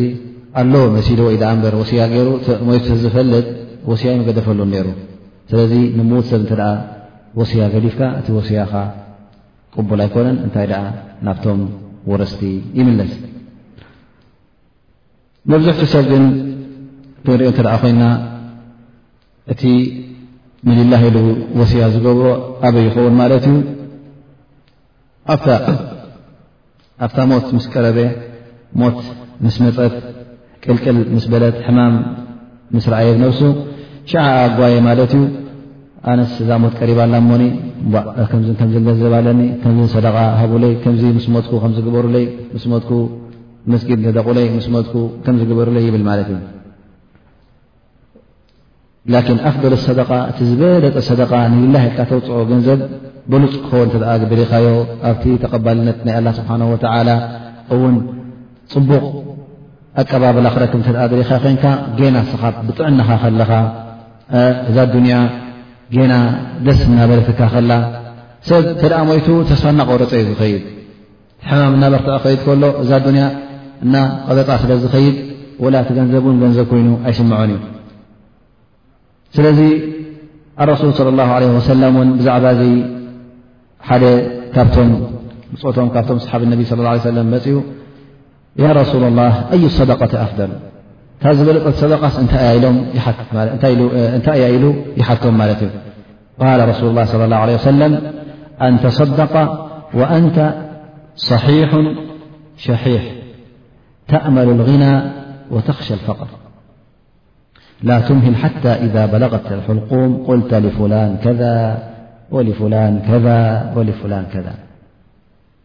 ማለት ሓደ ሰብኣይ መፅኡ ነቢና ሓመድ ስ ሰለ እቲ ዝበለፀ ሰደቃ ያ ረሱላ ላ እንታይ ኢሉ ይሓቶም እሱ ድማ ነቢና ሓመድ ስ ሰለ ይብሉ ኣንተ ሰደቃ ማለት ሰደቃ ክትብ ከለኻ ገና ሰሒሕ ማለት ገና ብጥዕናኻ ሕማም ከይመፀካ ከሎ ሸሒሕ ማለት ከዓ ጠማዕ ማለት እዩ ብቂ እንከለካ ገና እዛ ኣዱንያ ደስ ኢላትካ እንከላ ንዓይ ንዓይ እናበልካ ከለኻ ኣብዚ እዋን እዚ ተውፅኦ ከለካ ሊላ ኢልካ እሱዩ እቲ ዝበለፀ ሰደቃ ዝሕሰብ ተእመሉ ልغና ወተኽሸ ልፈቅር ገና ክህፍትም እየ እናበልካ ከለኻ ንድኽምት ድማ ድኽነት ከይትመፅእ ንዓ እናፀላእካየን ከለኻ ኣብዚ እዋን እዚ ገና ንሃፍቲ እናተጓይኻ ከለኻ ከይበኪ ኢልካ በዝን በዝን ክትሰርሕ ከለኻ ጥዕና እንከሎ ጉያ ጉያ ክትብል ከለኻ ሽዑኡ ዘውፃእካዮ እዩ እቲ ኣፍደል ሰደቃ ላ ትምህል ሓታ ኢዛ በለغት ሕልቁም ክሳዕ እታ ሩሕ ኣብዛ ጎረሮኻ ትበፅሕ ክሳዕ እዛ ሰዓት እዚኣ ኣይትፀበ ሸዓ እንተ በፅሕካ በቃ ተስፋ ቆሪፅካ ማለት እዩ ሃፍቲ ብድሕሪ ሕጂ ፅበይ ሃፍቲ የለ ትፈርሆ ድኽነት እውን የለን ምኽንያቱ እስኻ ካብ ጉድጓብ ተኣትኻ እስኻን እቶም ምዉታትን ሓደ ዘድልየካ ገንዘብ እውን የለን እንታይ ትገብር ሽዑ ማለት እዩ ሽዑ ለጋስ ትኸውን ንክስቶ ከም ዝሃብለይ ንክስቶ ከም ዝሃብዎ ንክስቶ ከም ዝሃብዎ ክትብል ትጅምር ማለት እዩ ኣበይ ነርካ ቀደም ጥዕናኻ ከለኻ ሕጂ ከላስ ገንዘብ ተስፋ ምስ ቆረፅካ ካብ ኢትካ ክወፅእ ምስ ቀረበ እሞ እንታይ ማለት እዚኣ ሕጂ ናይ ተስፋ ዝቆረፀ ተግባር ስለ ዝኾነት ኣላ ስብሓን ወተላ ኣጅሪ ከትበልካ እዩ ሰደቃ ክሕሰበልካ እዩ እተ ነዝነዘ ኢልካ ሊላ ኢልካ ዘውፅእካዮ ግን ከምታ መጀመርያ ዘውፃእካያ ብጥዕናኻ ከለኻን ገና ክህፍትም ክውስኽ እናበልካ ከለኻ ድኽነት በዚ መፅያ ጉየ ከይተርከበካ እናተባህለ ከሎ ሽዕኡ ክኸውን ከሎ እቲ ኣጅሪ ዘለዎ ግን እንተ ደኣ ነዚ ነገር ዚ ገና ብጥዕናኻ ዘይገበርካዮ እውን ሽዕኡ ኣብቲ ግዜ ንሞት ምስ ቀረብካ እውን ንድላ ህልካ ተውፃእካ እዚ እውን ኩልኩል እዩ ኣይንብሎን ኢና እዚ እውን ኣጅሪ የብሉን ኣይበሃልን እዩ እዚ እውን ኣጅሪ ኣለዎ ማለት እዩ ግን ወስያ ክንብል ከለና ኩሉ ግዜ ተዋሲኡ ሰብ ሞይቱ ክበሃል ከሎ መብዝሕቱ ግዜ ምስ ናይ ዝተኣሳሰር ማለት እዩ ምስ ናይ ኣዱንያ ኢኻ ተኣስሮ ማለት ከምዘ ከም ሩ ገንዘብ ከምዝለኒ ከምዝሓድር ለኒ እዚ ፅቡቕ እዩ ማለት እዩ ግን ኣብ ርእሲኡ ድማ እቲ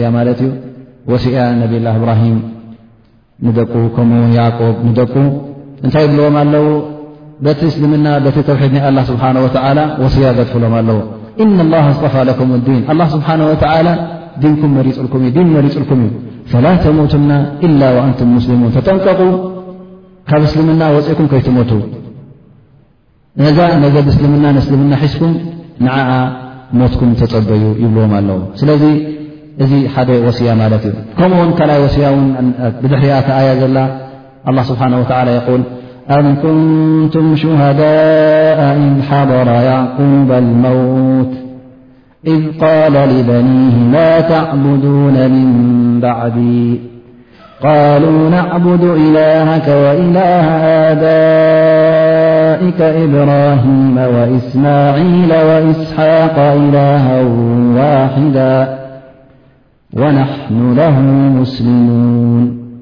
እዚ ቐንዲ ነገር ድማ ካልኣይ ወስያ መን ኣሎ ሕጂ እንተ ደኣ ሓሚሙ ወይ እውን ከይሓመመ ከሎ ንደቁ ኣኪቡ ንስድራ ቤቱ ኣኪቡ ንሕዋቱ ሰበይቱ ንሕና ኩላና ከም እንፈልጦ ወላ እውን ኣብቲ ባህሪ ናይ ስድራ ቤትና ባህሪ ናይ ዓድና ዝኾነ ይኹን ሰብ ምዉት እንተ ገለ ወስያ ገዲፉ ነታ ወስያ ወይከዓ ነታ ሕድሪቲኣ ብጣዕሚ እዮም ዘኽብርዋ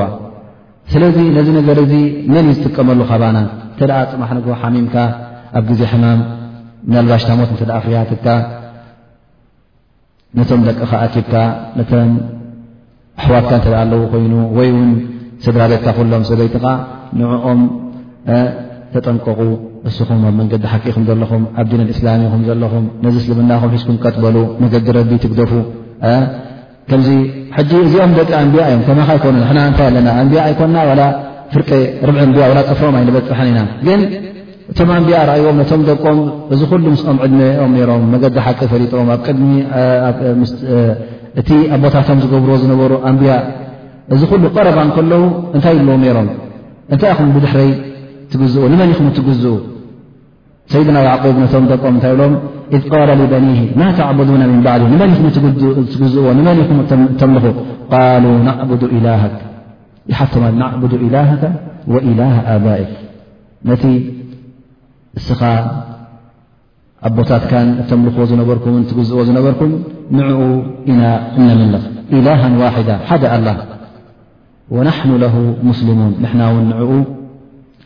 ኢድና ሂብና ኣስተስሊምና ኢና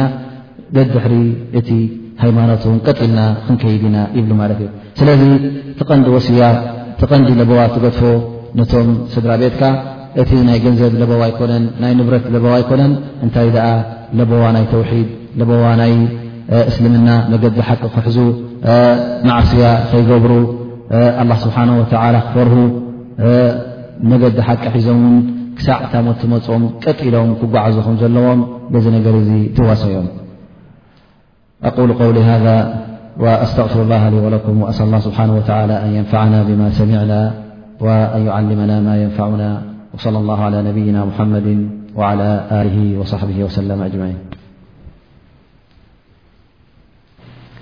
ክቡራት ሰማዕቲ ትሕዝቶ ናይዛ ካሴት ኣብዚ ይድምደም።